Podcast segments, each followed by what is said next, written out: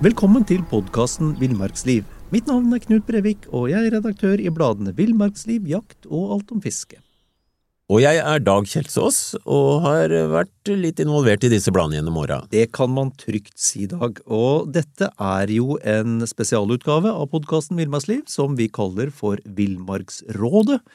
Og det er ikke helt uten grunn, for det heter en spalte i bladet Villmarksliv, eh, hvor veldig mange av disse spørsmålene og svarene er hentet fra.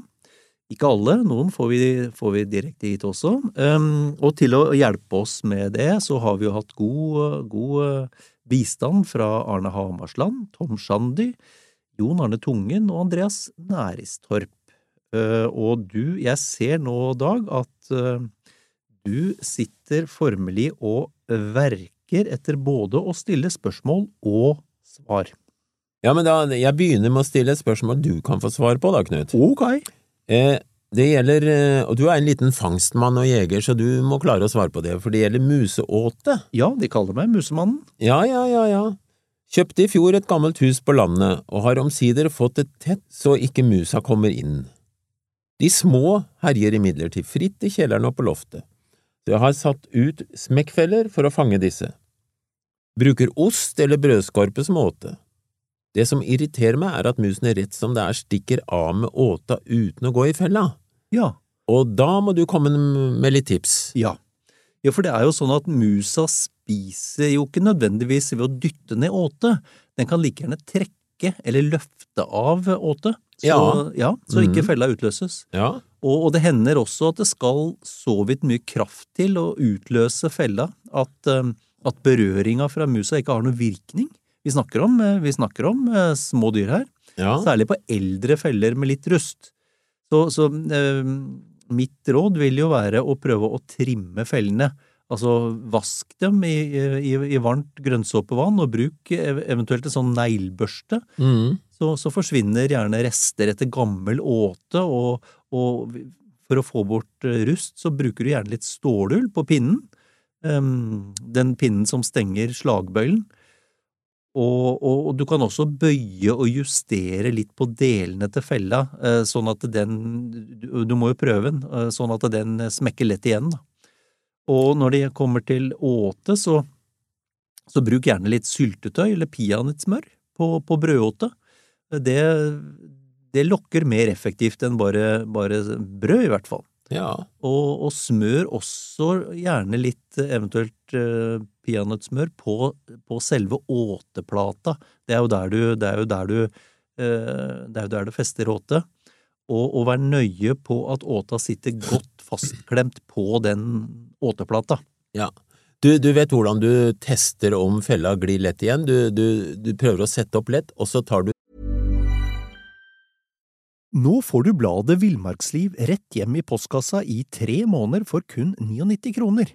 Send SMS VILL36 til 2205 og motta bladet allerede neste uke.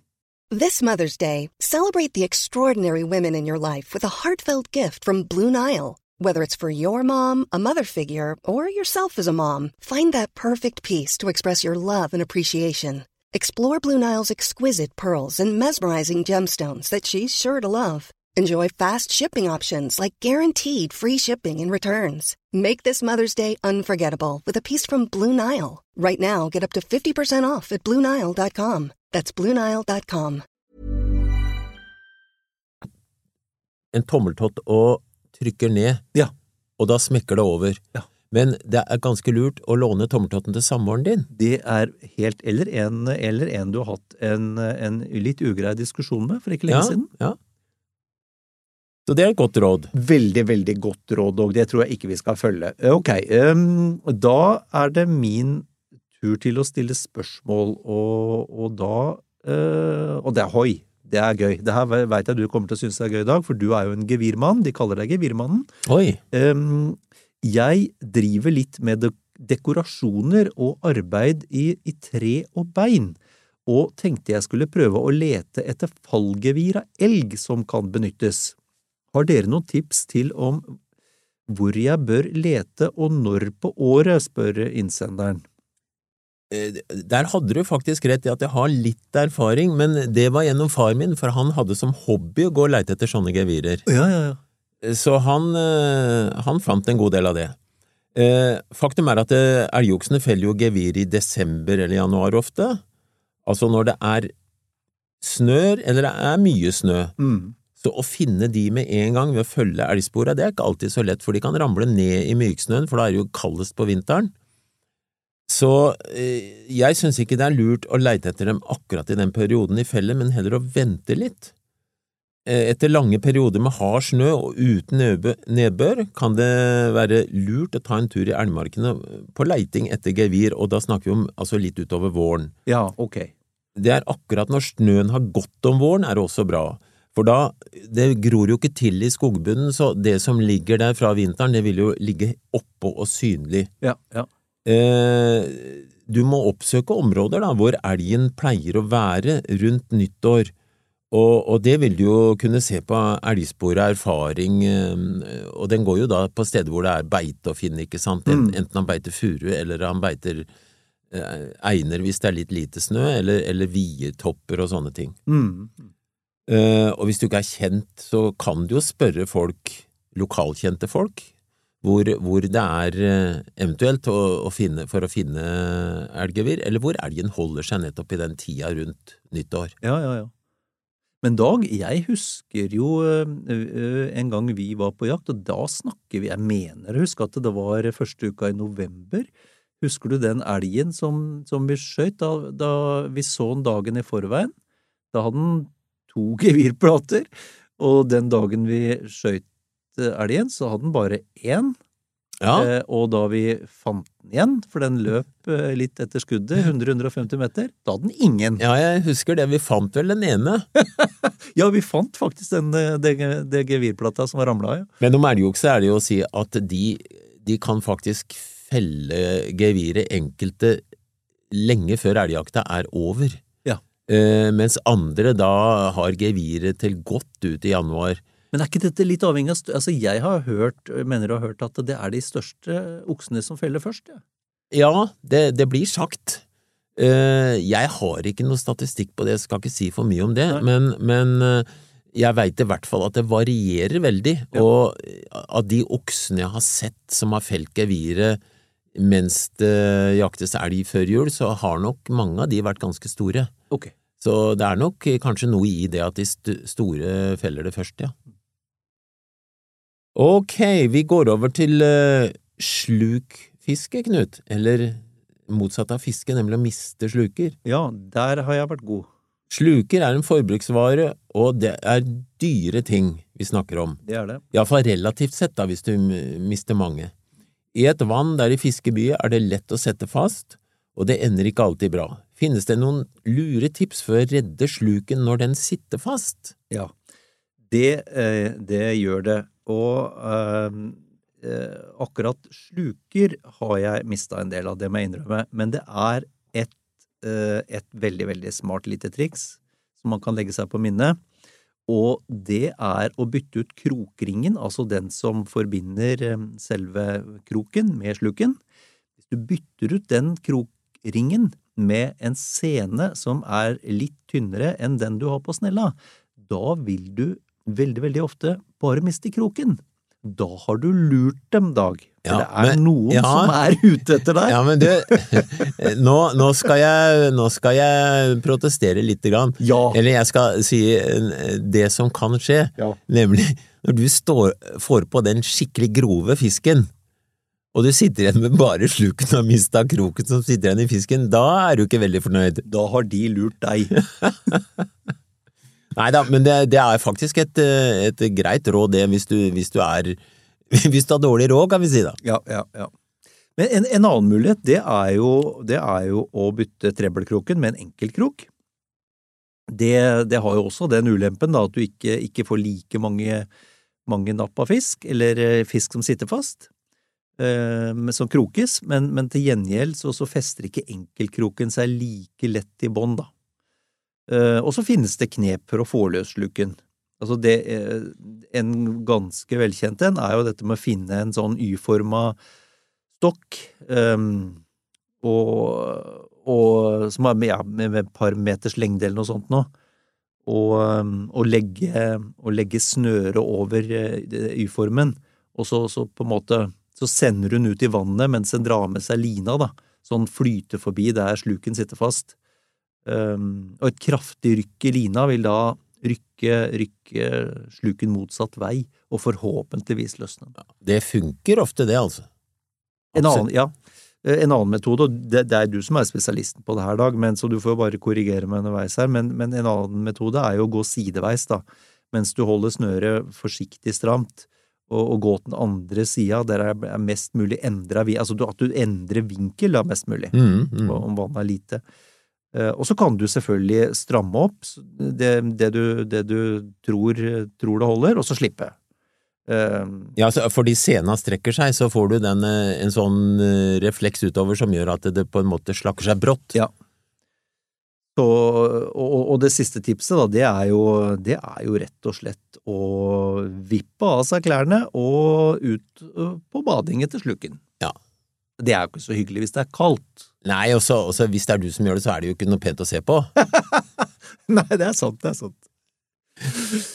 Ålreit. Um, vi skal holde oss litt på, på fiskesporet, nærmere bestemt håv eller hovtrøbbel, og det er et, et svært kort, men velformulert spørsmål. Jeg skal kjøpe meg ny håv, og ser nå at mange håver leveres med gummiert hovnett. Er det noen fordeler med dette? Svaret er ja, eh, og begrunnelsen er at eh, Har du noen gang fiska med vobler og, ja. og, og, og, tatt fisken og, og wobleren i håven? Da veit du at hvis du har den type nett som er litt sånn eh, spunnet eller sånn, så har du da et kvarters jobb etterpå med å få ut alle krokene fra nettet, for de sitter inn, ikke bare i rundt maskene, men også inni sjølve nettet. Ja, ja. Det unngår du jo hvis du har en gummiert håv. Mm. Da, da, får du ut kroken fort. Eh, en annen eh, stor fordel det er at skal du slippe ut igjen fisken, så slipper du å få skade på fisken, for særlig hovnett som da har knuter, de vil skrape litt mot fiskens kropp, mm. og så, så, blir det da eh, slitasje på det slimlaget fisken har, og som den trenger for ikke å få infeksjoner. Ja. Så i verste fall så kan du faktisk eh, medføre at, at, fisken dør hvis, du, hvis, den spreller fælt rundt i en håv med, av den andre typen. Så, så, gummierte masker, absolutt ja, det er bra. Mm, mm. Ja, vi går over til eh, jakt, Knut. Hjortejakt og vind er tittel på neste spørsmål. Ja. Da jeg var på Nordvestlandet i høst og jakta hjort, kom jeg opp i en situasjon som satte meg på prøve. Etter å ha overnattet i jaktbua øverst i hjortelia, skulle jeg snikjakte ned lia. På kanten av en bekkedal satte jeg meg ned med kikkerten, og der dukket kronhjorten opp i en åpning mellom trærne. Du verden. Avstanden var drøye 150 meter, altså det vi kan si er på grensa til greie greiehold. Mm. Eh, vanligvis har hjorten dukket opp i skogen på 60–80 meter med påfølgende enkle skudd, men nå blåste det godt, og samtidig måtte jeg skyte skrått nedover. Mm. Jeg ble sittende og fundere på hvordan jeg skulle sikte, uten å greie å finne ut av det. Mm. Så jeg lot bukken gå, og bestemte meg for å være bedre forberedt neste gang. Eh, hvordan finner jeg ut av dette? Og jeg vil bare føye til sånn i starten, det var en god jeger. Ja, vet du hva, det tenker jeg også. Ja, for det er ikke nødvendigvis eh, et mål å skyte hvis du ikke er eh, rimelig god, godt sikker på at du treffer Nei, jeg er helt enig. Det var det, det som slo meg da, da, du leste opp spørsmålet også, at dette var en god, en god avgjørelse. Fordi mange, mange, tror jo det at det å Ikke mange, men noen tror det at det å se et vilt er på en måte ensbetydende med at da skal det skytes. Mm. Men det er ikke det, altså. Det er jo ganske mange situasjoner du ikke kan skyte i det hele tatt. Men, men til spørsmålet hans, hvordan finner han ut av det? Ja, eh, det å det å skyte skrått oppover eller nedover er jo eh, det, det, det, beste måten å finne ut av det på. Det er jo faktisk å prøve det i praksis, ikke, ikke under jakta, men, men, å finne et område hvor du kan skyte skrått opp eller skrått ned. Og, og hovedregelen eh, Jeg, jeg veit det fins ballistiske kalkulatorer og massevis av sånt som du kan eh, som kan, kan regne det ut for deg. Jeg er ikke så veldig, veldig glad i teknologi. Jeg er jo en enkel fyr. Eh, men, men hovedregelen når du skyter skrått opp eller skrått ned, er jo at eh, er jo at kula påvirkes ikke så mye av gravitasjon som hvis du skyter helt vannrett. Når du skyter et skudd vannrett, så vil, vil gravitasjonen påvirke kula hele veien. Hvis du skyter rett opp, så vil det være minimal påvirkning, eh, og hvis du skyter rett ned, eh, også minimal, om noe påvirkning fra gravitasjon. Ja, altså det, vil jo ramle ned til slutt, men det vil ikke påvirke treffpunktet ditt. Men i de fleste tilfeller så er det jo snakk om eh, sånn, ja, si 30-45 grader, da, ja. maks. Ja, Eh, og, og uh, den beste, jeg står ved det, den aller beste måten å finne ut av hvordan du setter kula på, på skudd på, la oss si fra, fra 60 til Her er det snakk om 150 meter. Det er å gjøre det i, i, i terrenget. Da vil du se. Um, men, men, på 150 meter så vil du, sånn, hvis du bruker samme hvis du bruker samme siktepunkt som du gjør på et skudd eh, hvor du skyter helt vannrett, så vil du eh, treffe Ja, hvordan blir dette? Du, du, det påvirkes mindre av eh, den rad Du vil treffe litt ja, du, vil, du, høyere, treffe, altså. Treffe høyere, ja. Gjennomgående treffe høyere. Altså, du, du, kan tenke deg at du overfører Du tenker hvor mange meter eh, tyngdekraften virker, og så overfører du ja. det til en, en, et rett skudd, og det vil jo da bli kortere enn det du skyter nå får du bladet Villmarksliv rett hjem i postkassa i tre måneder for kun 99 kroner. Send SMS VILL36 til 2205 og motta bladet allerede neste uke. Hiring for your small business? If you're not looking for professionals on LinkedIn, you're looking in the wrong place. That's like looking for your car keys in a fish tank. LinkedIn helps you hire professionals you can't find anywhere else, even those who aren't actively searching for a new job but might be open to the perfect role. In a given month, over 70% of LinkedIn users don't even visit other leading job sites. So start looking in the right place. With LinkedIn, you can hire professionals like a professional. Post your free job on linkedin.com slash people today. Oppover. Mm, mm. Så hvis det er 100 meter, så vil egentlig kula oppføre seg som om det kanskje var 70. Ja. Så hovedregelen, da, hvis du, hvis du er eh, innskutt som, de, eh, som, vi alle sammen er, på, på 100, et sted mellom 100 og 150 meter flatt, så vil det jo være at du må sikte noe lavere. Men på 150 meter så snakker vi ikke om mange centimeter. Det er jo ikke noe stort problem i de fleste tilfeller, da. Nei. Nei. Um... Men på 150 meter, som han sier, så, så kan det være et problem. Ja, men, men uh, uten at vi har finregna Det avhenger jo litt av hva du skyter med men, uh, men vi, vi, snakker ikke om veldig, veldig store Vi snakker ikke om veldig, veldig mange centimeters utslag på 150 meter heller. Nei. Men uh, du, kom, du, du, må sikte noe lavere, for du kommer til å treffe noe høyere. Ok. Ja. Da er vi over på, på saltvann og en, en fòrkurv. Jeg har hørt at det er vanlig å bruke fòrkurv i ferskvann når man fisker etter karpefisk, men dette må da også funke i saltvann. Er det noen av dere som har prøvd det? spør innsenderen. Ja, jeg har, jeg har prøvd uh, fòring i saltvann. Ja. Og uh, hensikten er jo å spre luktstoffer i vannet sånn at, at, fisken For fisken har jo faktisk eh, god luktsans. Altså, hvis du fisker med krok med en tøydott på, eller med en fiskebit på, så vil du se at det, den skjønner eller lukter eller finner ut at det, det, er fisk på den ene og tøy på den andre som vil byte mye mer på den med fisk på. Det er ikke noe å lure på, for det veit vi. Ja. Eh, så, og, så, det er nok eh, veldig viktig for fisken å, å finne fram ved hjelp av lukt. Så i saltvann er det absolutt brukbart å gjøre dette her, men det er litt komplisert, da, fordi for første så fisker vi ofte på store dyp. Mm. Eh, så det vi kan gjøre, er eventuelt å ha ei line med en, for eksempel en tøypose med, eh, med malt makrell, ja. og så senke den rett ned.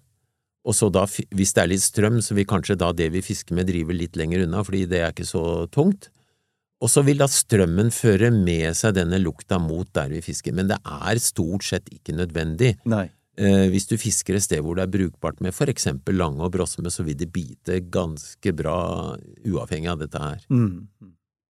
Eh, det, det er jo så at, at disse, disse feederne, det er jo sånne lukka, ja, sånne plastetuier, kan du kalle det, hvor du slipper opp fôr så det, så det kommer ut og Ja. sånn. Og i, sjøen så er det jo veldig mye strømmer og andre forhold som gjør at det ikke funker kanskje like godt som det gjør i, i ferskvann under mer kontrollerte og grunne forhold, da. Mm. Mm. Men øh, du har kanskje sett på TV, sær, særlig under haifiske, at det, til haifiske så brukes faktisk eh, fôr veldig effektivt. Ja. Og, og der, der er det jo så at haien, den Dette er jo i områder hvor det er mye hai, og hvor den kanskje søker mot båten Mm. Mm. Uh, av nysgjerrighet eh, og så og hvis du da har en kjøttbit uti, så er det jo garantert at det påvirker haien, for den, den lever jo delvis av å lukte seg fram til blodspor. Mm. Mm. Ok, når er det smart å dregge, Knut? Eh, spørsmålet er som følger, jeg ser at mange dregger når de fisker på dypt vann i sjøen. Hvorfor gjør de det? Har det noen fordeler? Ja, dregg det brukes jo gjerne når du skal ligge på samme plass og fiske presist på fisk du veit er der, eller når du skal fiske eh, for eksempel skater, som gjerne bruker litt lengre tid på å finne agna dine. Og Hvis det er mye strøm og avdrift på, på plassen du skal fiske, så, så kan det være en fordel å dregge der. Dregging, i, i motsetning til, til driftfiske, da, kan, kan ha flere fordeler. Og det, det krever selvfølgelig mindre av deg som fisker. Du slipper å følge med bånd, og du trenger ikke nødvendigvis å holde i stanga hele tida. Du kan ta det mer med ro og vente på at fisken skal komme til deg, og ikke motsatt. Mens når du driftfisker, som, som, som jeg syns er veldig effektivt om forholdet ligger til rette for det, så, så fisker du jo av et mye større område. Da, da kommer du til fisken på en måte og finner den, istedenfor at den skal følge luktsporet ditt og komme til deg når du ligger på dregg. Ja, Begge deler fungerer jo veldig bra, men, men forholda bestemmer jo egentlig hva som er best. Eh, til det forrige spørsmålet så er jo dette interessant, fordi hvis du skal eh, slippe ned en fôrpose, så bør du jo ha dregga. Absolutt. Absolutt. Så, så fordi da, da, da vil jo, skal jo du lokke fisken til deg. Ok.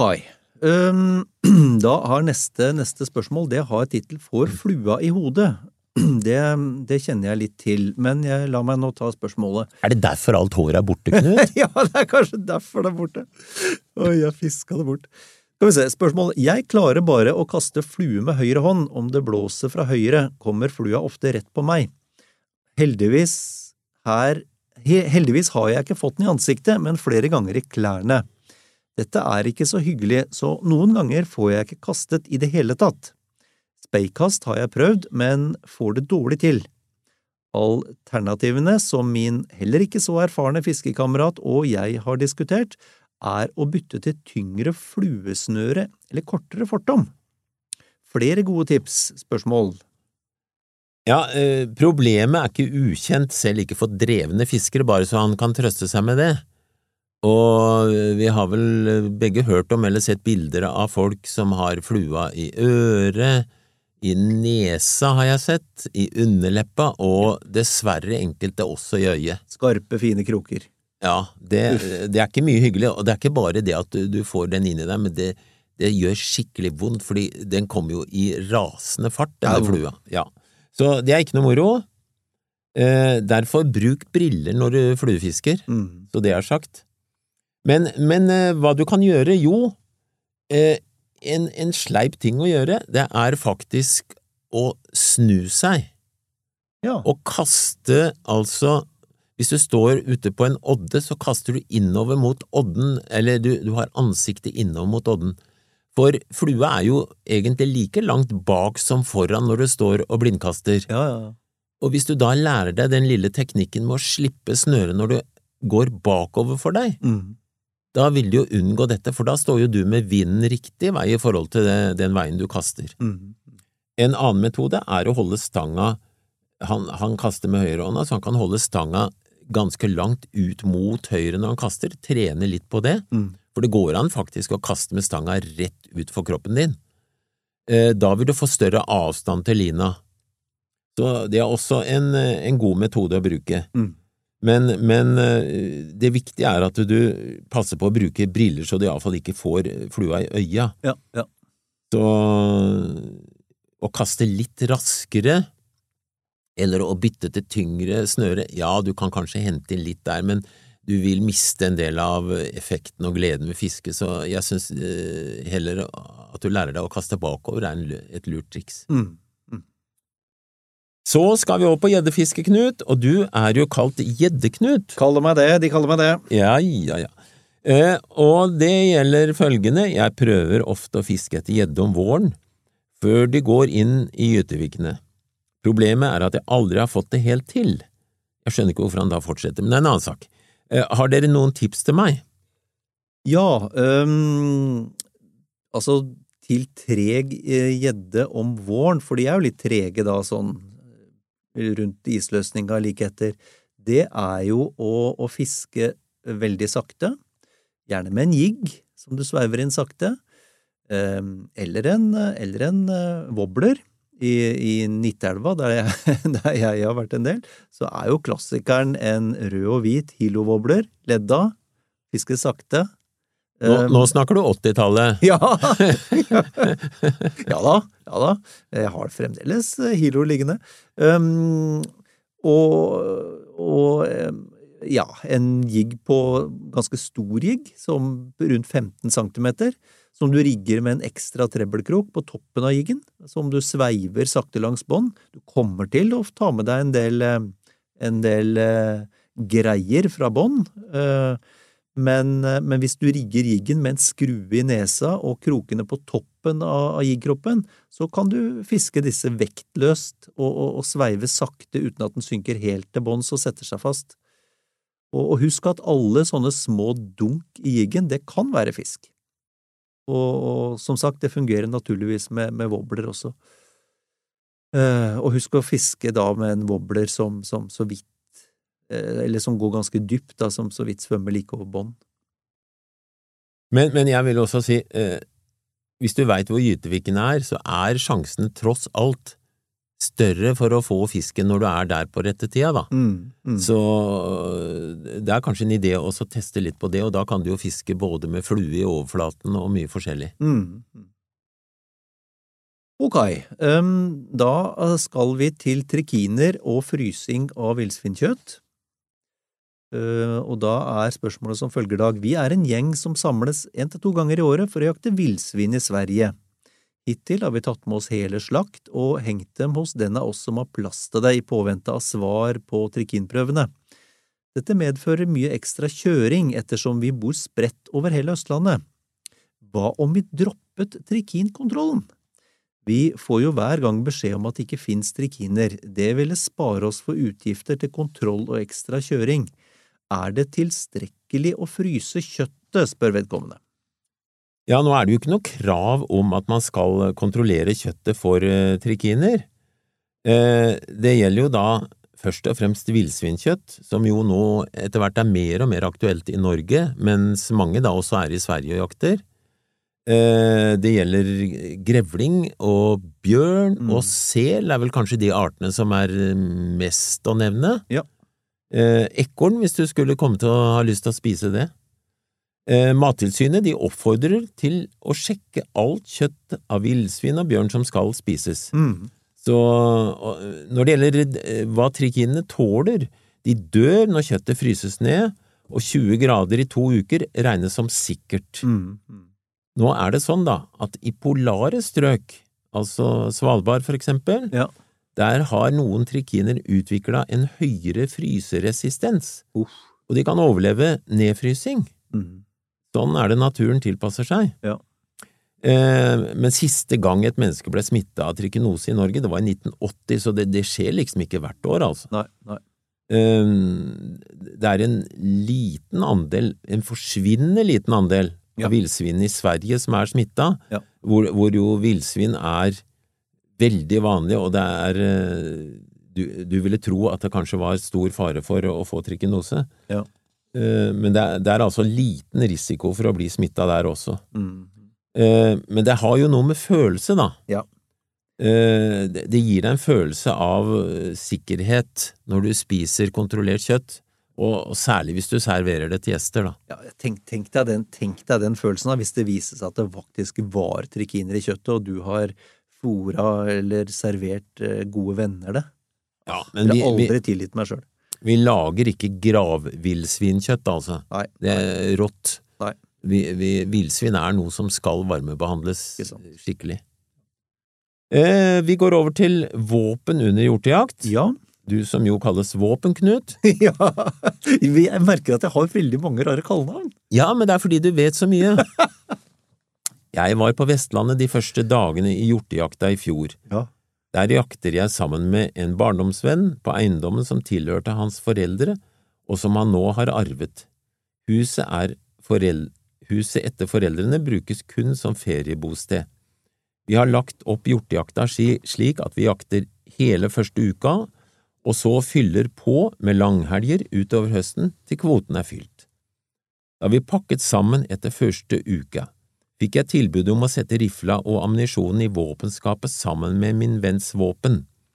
En praktisk løsning i og med at det bare er en drøy uke til neste jakttur. Ja. Er dette problematisk så lenge våpenet er innelåst i god kjennskap og vi tar nøkkelen med oss? Ja, så se, selv om de praktiske argumentene er gode, så setter våpenforskriften klare krav til, til hvordan registreringspliktige våpen skal oppbevares, og et av hovedkrava, det nemlig godkjent våpenskap, det oppfyller jo innsenderens eh, eh, bekjente her. Men det er også et krav om at huset skal være bebodd.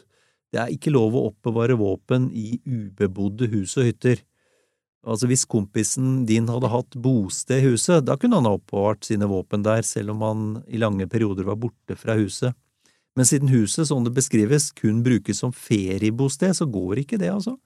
Kompisen din kan imidlertid fjerne en vital del, som for eksempel sluttstykket, eh, låse inn selve våpenet på hytta si og ta sluttstykket med i bilen. Hvis du gjør det samme og tar med deg sluttstykket ditt hjem og låser det inn i ditt våpenskap, bør du også kunne sette igjen selve rifla, i og med at rifla da ikke er funksjonsdyktig, for det er jo det er på en måte det som er intensjonen med bestemmelsen, at det skal ikke være Du skal ikke sette fra deg funksjonsdyktige våpen et sted, eh, et ubebodd sted, hvor, hvor ja, det kan være innbrudd, og så får kjeltringer tak i det. Eh, Så, så selv, om, eh, selv om det virker praktisk å gjøre det, så, så er det ikke lov, altså. Nei. Da lurer jeg meg på, jeg, Dag. eh, Da har vi jo gnagd oss gjennom, gjennom noen spørsmål igjen. Eh, Om det ikke er på tide å ønske de fremragende lytterne våre en eh, riktig god uke. Det gjør vi absolutt.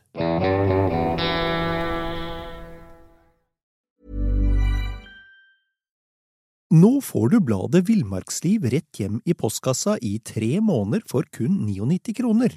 I Villmarksliv kan du lese om norsk natur, ærlige tester av klær og utstyr, og mange gode turtips skrevet av erfarne friluftsfolk, fiskere og jegere. Send SMS VILL36 til 2205 og motta bladet allerede neste uke. Lev livet villere med bladet Villmarksliv. Planning for your next trip? Elevate your travel style with Quince. Quince has all the jet setting essentials you'll want for your next getaway, like European linen, premium luggage options, buttery soft Italian leather bags, and so much more. And is all priced at 50 to 80% less than similar brands. Plus, Quince only works with factories that use safe and ethical manufacturing practices. Pack your bags with high-quality essentials you'll be wearing for vacations to come with Quince. Go to quince.com/pack for free shipping and 365-day returns. Mom deserves the best, and there's no better place to shop for Mother's Day than Whole Foods Market. They're your destination for unbeatable savings, from premium gifts to show-stopping flowers and irresistible desserts. Start by saving 33% with Prime on all body care and candles. Then get a 15-stem bunch of tulips for just $9.99 each with Prime. Round out Mom's menu with festive rosé, irresistible berry chantilly cake, and more special treats. Come celebrate Mother's Day at Whole Foods Market.